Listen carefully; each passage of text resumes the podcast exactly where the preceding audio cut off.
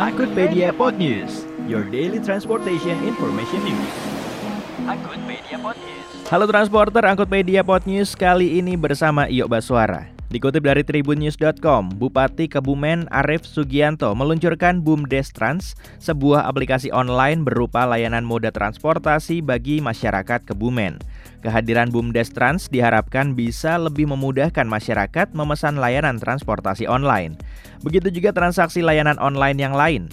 Menurutnya, BUMDes Trans ini nantinya bisa dikoneksikan dengan BUMDes dari masing-masing desa di Kebumen. Produk-produk BUMDes di tiap desa-desa juga bisa dipasarkan melalui aplikasi BUMDes Trans dengan sistem kerjasama. Berita kedua dikutip dari CHAviation.com.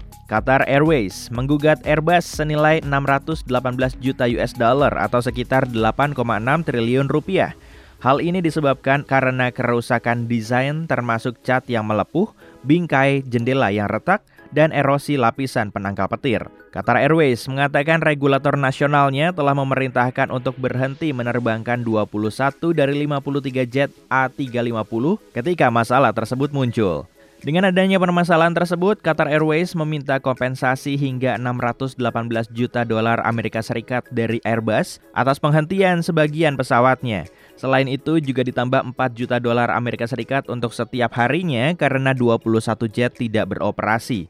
Klaim tersebut termasuk 76 juta dolar Amerika Serikat untuk satu pesawat saja yang sudah berusia 5 tahun akan dicat ulang dengan corak untuk Piala Dunia 2022.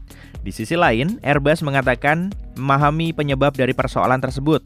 Hanya saja Airbus menolak secara total keluhan maskapai. Angkutpedia Pod News. Itu dulu Angkutpedia Pod News kali ini. Jangan lupa untuk berlangganan channel ini supaya tidak ketinggalan informasi terbaru seputar dunia transportasi.